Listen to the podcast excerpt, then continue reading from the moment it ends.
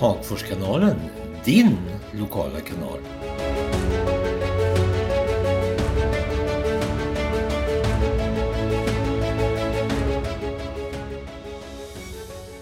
Välkommen tillbaka till Hagforskanalen.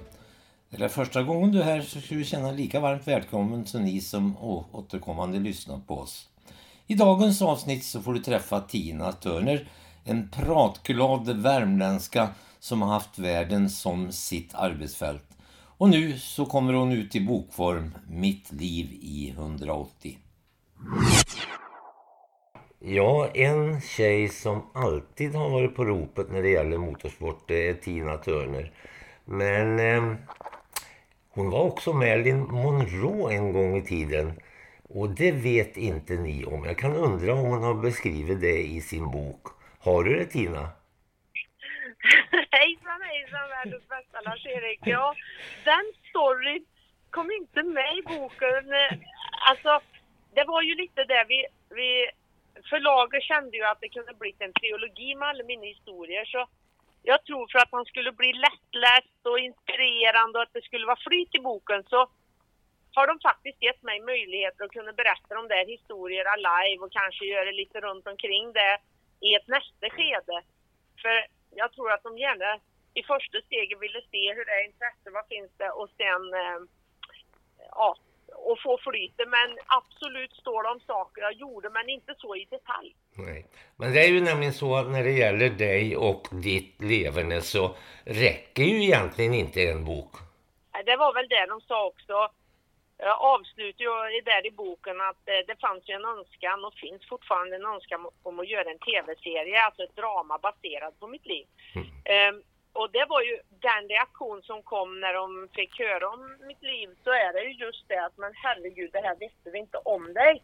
Och även de som har läst boken och nu har vi försökt att sammanfatta mycket men precis som de sa, det finns så många coola historier som inte kom med. Och ja, så liv har jag verkligen levt i 180 och utnyttjar varje dag i livet. Mm. Jag minns när du började åka med Lars-Erik då träffades vi första gången och sen så... Det största minnet är, det var egentligen när vi sände och vi utsåg den, det ekipage som har gett mest liv åt sändningen. Och det fick du och Lars-Erik. ja, det fick vi.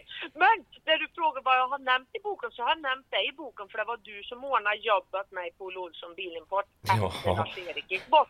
Och det står om i boken. Ja, men du, minns du att vi, vi eh, utav alla dessa VM-åkare som åkte då Svenska rallyt så, så blev ni... Jag har en bild på väggen här nere på kontoret utav det där när vi står tillsammans, du och jag och Lars-Erik. Och, eh, för det blev ju så fantastiskt tack vare de där tio minuterna så följde vi er med, ja, med lupp hela tiden var ju en riktig fartfylld färd då. Ja, verkligen. Du, ditt liv, om du nu sammanfattar ditt liv i en bok med underrubriken eh, att ett liv i 180. Jag måste säga det att det fortsätter ju än idag. Ja, ja, ja Lars-Erik. Jag har ju inte lagt hjälmen på hyllan när det gäller liv, absolut inte. Men kanske inte lika aktivt i, i motorsportens motorsportsammanhang. Men det jag brinner för idag och jobbar med det är ju Fiat Smart Driving Challenge och just det här att vi alla bilister behöver vara med och kunna göra det vi kan göra i vår vardag. Och idag kan vi ju inte, alltså motorsport är fantastiskt därför att då kan vi köra av oss, säger jag, på avlysta vägar eller vi åker och tränar på avlysta vägar. Och vi, de som nu älskar att göra det har möjligheter till det. men i vanliga trafiken behöver vi ju också vara delaktig i det samlade ansvaret vi har. Så att det jobbar jag med idag och tänker olyckor på vägar runt om i världen. Så jag brinner ju fortfarande för bilismen och bilar och jag skulle ju inte kunna tänka, jag tycker att mig personligen när det blir självkörande bilar känns det som, eh, det, visst, då får kopplingarna omprogrammeras i hjärnan men Annars, jag älskar ju att köra bil. Det är av min frihet. Du har ju ett CV som är helt otroligt. Men jag, jag måste fråga dig, om någon skulle fråga dig så här, om du skulle behöva söka ett jobb. Vem är du? Vem är Tina Sörner? Vad skulle du säga då? Åh herregud, jag vet ju inte själv vem jag är riktigt Lars-Erik. Jag, jag är i alla fall jag, jag, brinner för liv och jag vill skapa växtkraft i allt jag gör tillsammans med dem jag jobbar med oavsett vart jag är. Sen så känner ju jag också att herregud, vi är ju formbara varelser. Så att jag tror att jag skulle kunna ta vilket jobb som helst och kunna akklimatisera mig där och så länge det finns visioner och mål och vi gör någonting med det högre syftet så är jag nog flexibel för alla yrkesroller. Vad tror du om svensk motorsport eh, idag? Alltså om vi tar det i stort. Vi stoppar inte vid rally nu utan vi tittar på svensk motorsport idag. Vad tror du om den? Ja, jag tror att vi behöver göra kontroll allt elit på, på mycket av historien för att vi behöver anpassa oss mycket snabbare till den, det livet som vi ser mot 2030 som ett första steg. Ehm, och naturligtvis med de nya bilarna och nya drivmedel och, och ny, eh, vi behöver, motorsporten får inte hänga kvar i det gamla. Det är bara så för att då förlorar vi vi förlorar anhängare och möjligheter för ungdomar och vara relevanta. För sporten kräver att vi har företagande, vi har uppbackning, support, ideella och alltså klubbar och allt det här. Och då behöver vi modernisera oss. Det går för sakta känner jag. Det är bara ett helhetsgrepp nu. Ingen liksom, men för i allting annat jag gör och vi ser hur hela bilindustrin har fått ställt om sig på fem år och, och, och, vi håller på med gneti och pleti i ett reglemente som skapas snart för 50 år sedan säger jag då. Nu, nu generaliserar jag men nej, ja vi måste bli mer, vi måste få mer rally och racingtempo i oss och anpassa oss till omgivningen. Helt klart, det är min känsla. Har det blivit för kommersialiserat? All sport är kommersiell, kommersiell, kommersiell, nu kan jag inte prata. Eh, all sport har ju faktiskt dratt Jag menar, det finns ingen sport på eh, hög nivå som kan överleva utan basen naturligtvis i det ideella och med lokala sponsorer och support. Från nära och kära så är det i motorsporten än idag. Och, och där gräsrötterna måste ju finnas för att toppen ska komma. Eller också så får vi, om vi tittar då i andra länder som Mellanöstern och sådär, där vi då kan se hur de... Om vi ska få den i Mellanöstern, för att komma tillbaka till det, där är det ju de som har pengar och är rika som håller på med det. Och så, så har vi väl aldrig velat ha någon sport, inte utifrån den verkligheten jag har och jag hoppas att jag inte ska behöva uppleva det på våra breddgrader. krävs det att vi, vi anpassar oss till att vi också kan få den supporten. Blir det något mera ökenrally för dig tror du? Ja, det tror jag säkert att det kan bli. Alltså inte i den kanske konstellation att vi åker ner för, för att liksom vinna rally totalt om jag inte då lägger mig i hårdträning och tränar i ett år. Och, utan det som är på är väl framförallt att åka Dakar med två förberedande tävlingar i höst tillsammans med Jutta Kleinschmidt. Om det nu är med alla väder, vindar och pandemier och allt vad det nu sen är då.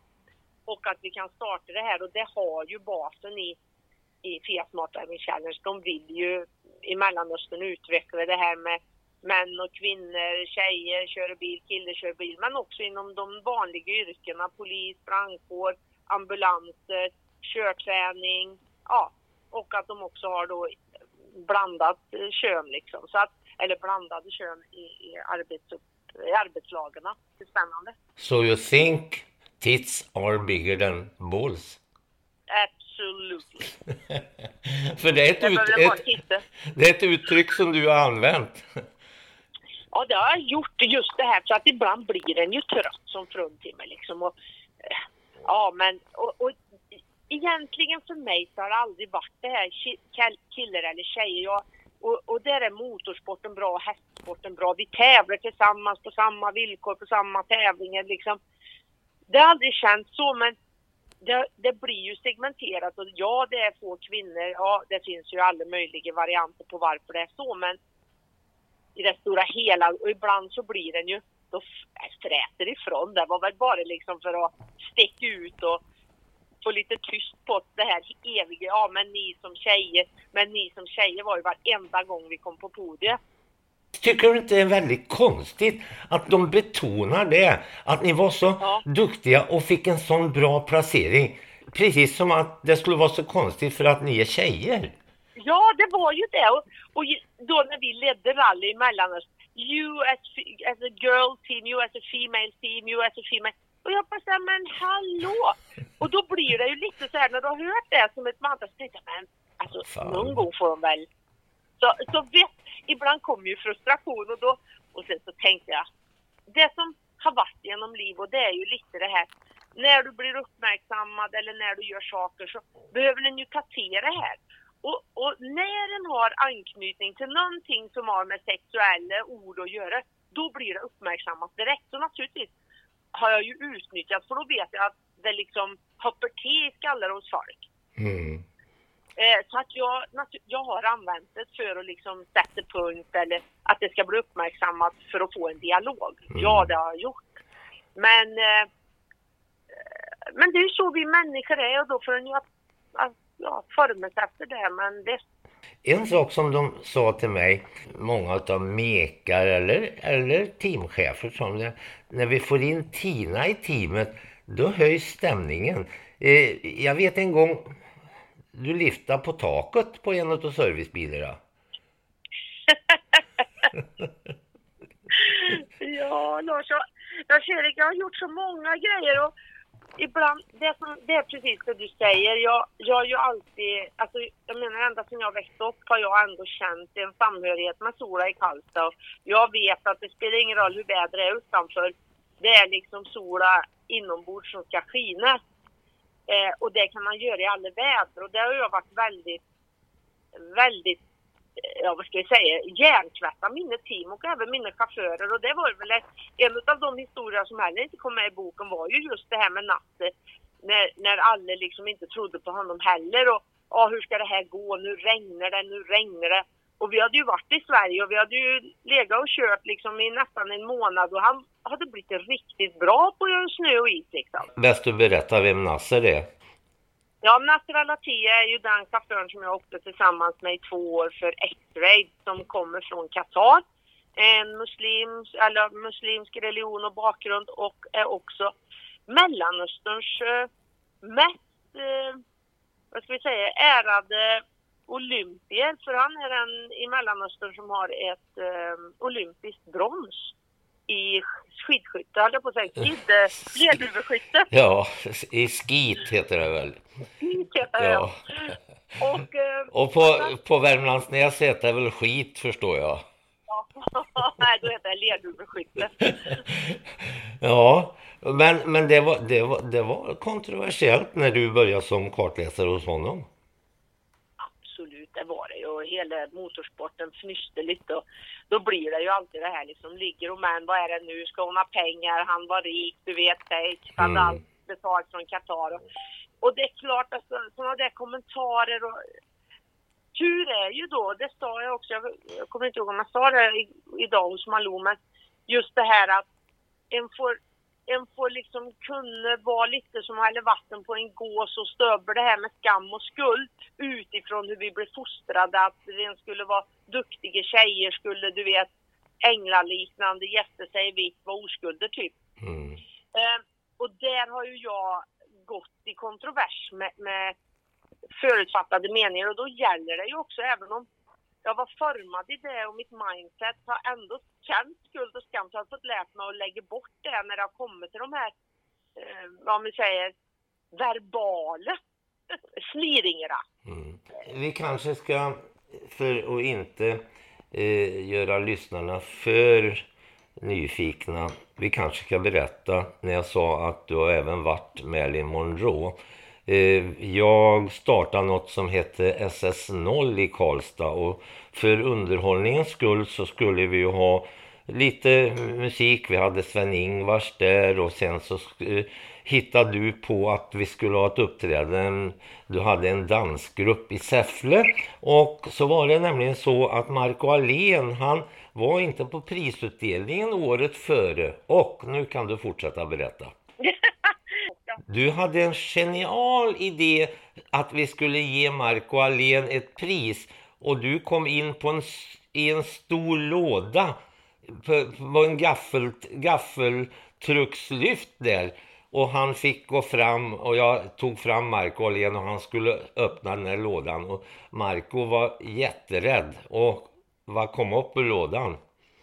Det var jag rädd för han trodde att för hans fru var med också. Ja. Han var livrädd att vi hade gästarna Och så var det jag som kom. Och så var han så här, åh nej, åh nej. Och sen, men Marco det är Tina för tusan. Ja. Osigt, ja, jag har inga problem. Och lyfte upp mig och kramade mig, ja. Ja, det var, du var utklädd till Marilyn Monroe så sjöng du den här eh, om diamanter. Ja, och så hade ni en dansgrupp som var fantastisk. Det var ju så jättesuccé det där så jag vet att att, att eh, alla förra kom fram till mig och sa du lägger inte ner SS0 i fortsättningen. Nej. Det var ju min syster som hade dansgruppen. Ja. Det var ju att jag ville marknads hjälpa dem lite på traven så de skulle få komma ut och göra något roligt med all träning. Ja, det ja det var fantastiskt. det var men du, vad händer nu i fortsättningen? Jag hörde att när vi spelade in det här som är på torsdag så, så är du i Umeå. För de som, som eh, tänker på Umeå så tänker de på Svenska rallyt. Men det är inte därför du är där. Nej, jag är här för att spela in god kväll. Så det är jätteroligt och eh, naturligtvis är jag ju glad att det var Umeå som fick rallyt.